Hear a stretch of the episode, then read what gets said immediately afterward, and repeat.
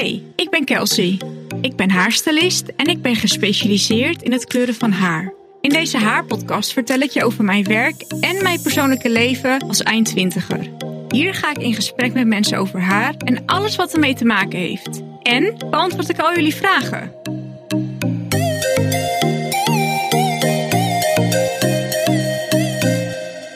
Hoi luisteraar, vandaag neem ik je mee in een onderwerp genaamd de haargroeicyclus.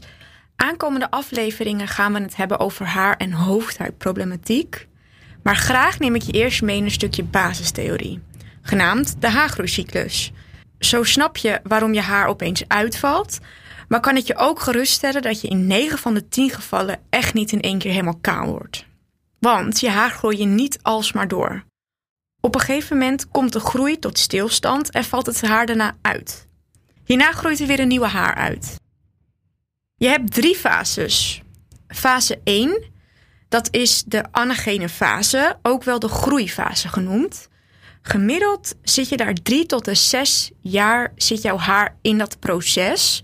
En het is dus genetisch bepaald hoe lang jouw haar in dat proces kan zitten. Um, dus daarom is het bij de ene persoon dat het haar bijna tot op de billen kan komen. En dat het bij sommige mensen het niet langer wil groeien. Ook is het genetisch bepaald hoe hard jouw haar groeit.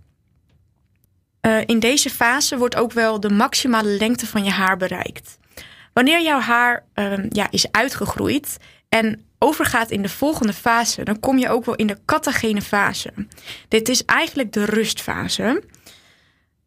Deze fase duurt ongeveer twee weken. Jouw haar gaat dan als het ware een beetje los weken vanuit het haarzakje.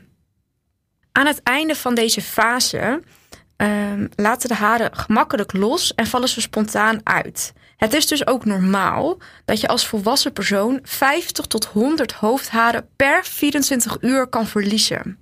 Ongeveer 80% van al jouw haren zit in de groeifase. Wanneer jouw haar weer in de volgende fase terechtkomt, dan komt het ook wel in de telogene fase uh, terecht. En dat is de uitvalfase. Uh, deze fase duurt ongeveer 2 tot 4 maanden.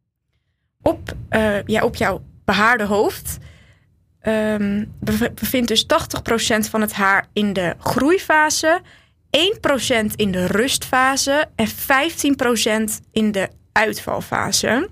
Je hoeft dus nooit bang te zijn um, dat je in één keer kaal wordt, mits er uiteraard geen onderliggend lijden is. Want al jouw haren hebben allemaal een verschillende uh, fase waar ze in zitten.